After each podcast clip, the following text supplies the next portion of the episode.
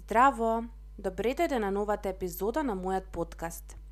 Во денешната епизода ќе зборувам за благодарноста. Иако предпоставувам дека веќе сте преплавени со оваа тема, она во кое што веруваме дека кога нешто станува тренд, тоа дефинитивно е нешто што е добро.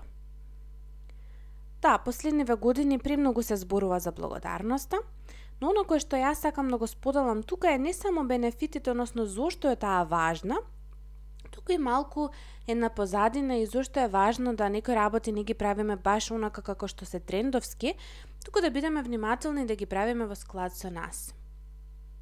Она што трае долго е нешто кое што е корисно и функционално. Не може да стане тренд нешто кое што на вистина не им помогнало на многу луѓе. Многу често ние луѓето го губиме капацитетот, односно забораваме на капацитетот дека можеме да ги оважиме работите кои што се присутни и кои што на вистина се добри во нашиот живот. Ова е особено вистина во моменти кога нашиот живот е негативен, кога се соочуваме со негативни нешта и денови кога на вистина се случуваат непријатни случаи. На вистина е предизвик да се остане благодарен постојано, И тоа е затоа што постојат многу причини, постојат многу избори и некако не можеме да го менуваме минатото, меѓутоа многу често тревата на комшијата е позелена од нашата. Тоа е нешто кое што го имаме како тенденција да се споредуваме со останатите и на тој начин да не можеме да бидеме благодарни. Благодарноста ни помага да го славиме сегашниот миг – Сушност благодарноста е нешто кое што точно не враќа во сегашниот миг и не подсетува што е она на кое што треба или би било убаво да бидеме горди во овој момент. Што е на кое што јас го имам тука и сега? Кои се луѓето околу мене? Какво е моето здравје? Каква е мојата финансиска ситуација? Дали можам да си дозволам да јадам секојдневно? Какво е времето денес? Дали имам облека? Дали се разбудив жива и здрава и добра? Дали се разбудив и можам да гледам? Јас сум сигурна дека во секој момент ние можеме најмалку 10 работи да одбереме за кои што би биле благодарни. И тоа е богатството најголемо на благодарноста.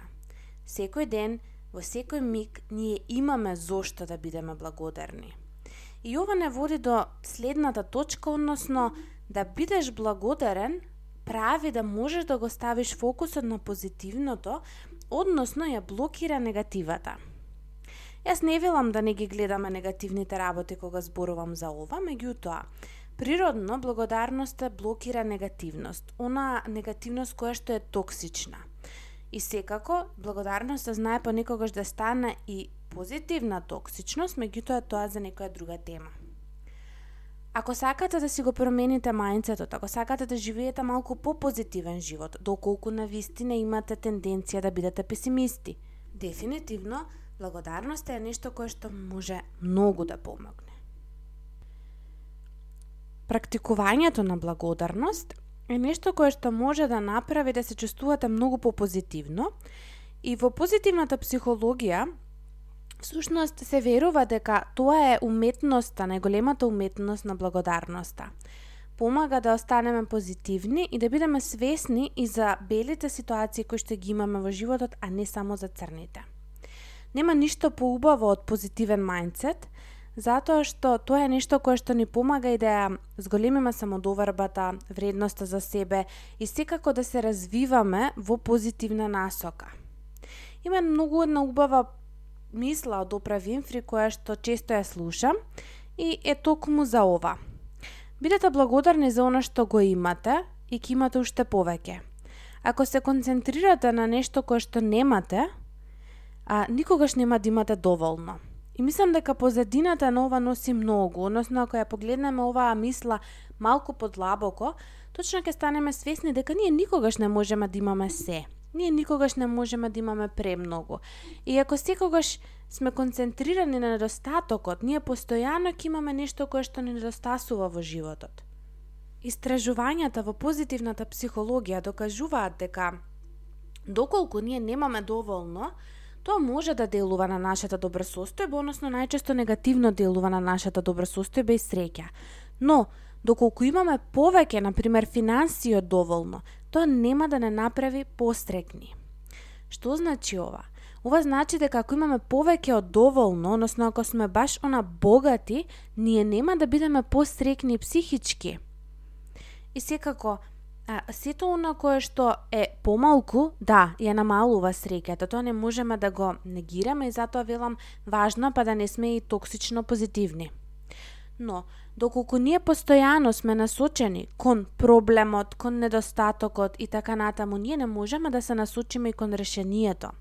И затоа убава вежба е вежбата со благодарност, како би можеле да го тргнеме фокусот од проблемот, за да може да си го отвориме умот да најде решение.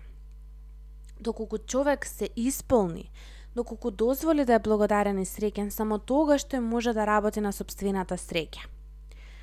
Нешто друго што носи благодарноста е тоа што ја зголемува продуктивноста и секако среќата добросостојбата. И ова е вистина – Реалноста е дека луѓето сме создадени да создаваме. А благодарноста ни дава верба во себе си и во другите луѓе, но исто така ни дава и надеж дека се ќе биде добро и дека се ќе се реши. Со самото тоа практикувањето на благодарност не прави пострекни затоа што мислиме на добрите работи во животот на начин на кој што стануваме попродуктивни. Благодарноста е многу убава за мотивација, како би можеле да постигнеме многу повеќе. Например, ако секојдневно пишувате работи на кои што сте благодарни, тоа може многу повеќе да ве мотивира. Постојат многу убави видеа и многу убави Јас ги сакам TED Talks за мотивација кои што навистина можат да помогнат и малку повеќе да ја отворат портата кон благодарноста, но оно кое што ми е важно да го споделам е дека додека постојат различни начини да бидеме благодарни, многу е важно да тоа не биде механички. Односно, доколку тука и сега во овој период од животот не ви е потребно механички да бидете благодарни, Јас предлагам да тоа го правите еднаш неделно, еднаш месечно, па дури на неколку месеци како благодарноста би била реална, а не би била само механичка. Зошто?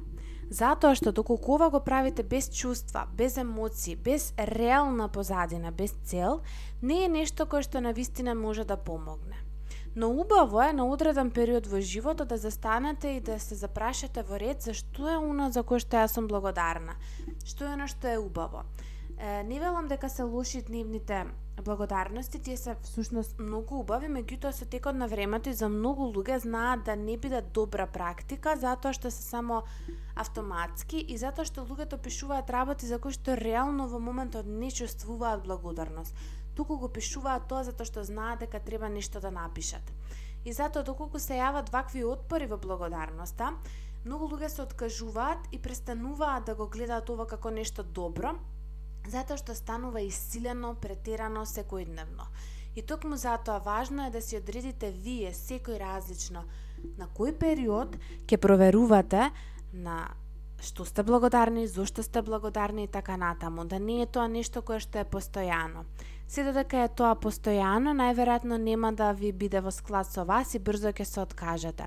Еве, на пример, јас често знам тоа да го правам на три месеци, понекогаш го правам и секојдневно доколку ми е потребно и се наоѓам во многу тешка ситуација. Меѓутоа, за мене се докажало дека кога го правам на три месеци е најискрено, е најавтентично и најточно. Обавезно го правам два пати годишно, меѓутоа на секој три месеци погледнувам назад и викам во ред, што е на кое што го постигнав, што е на кое што го имам, на што сум благодарна и така натаму. Јас ке повторам сите вежби, сите трендови и сти со кои што се соочуваме.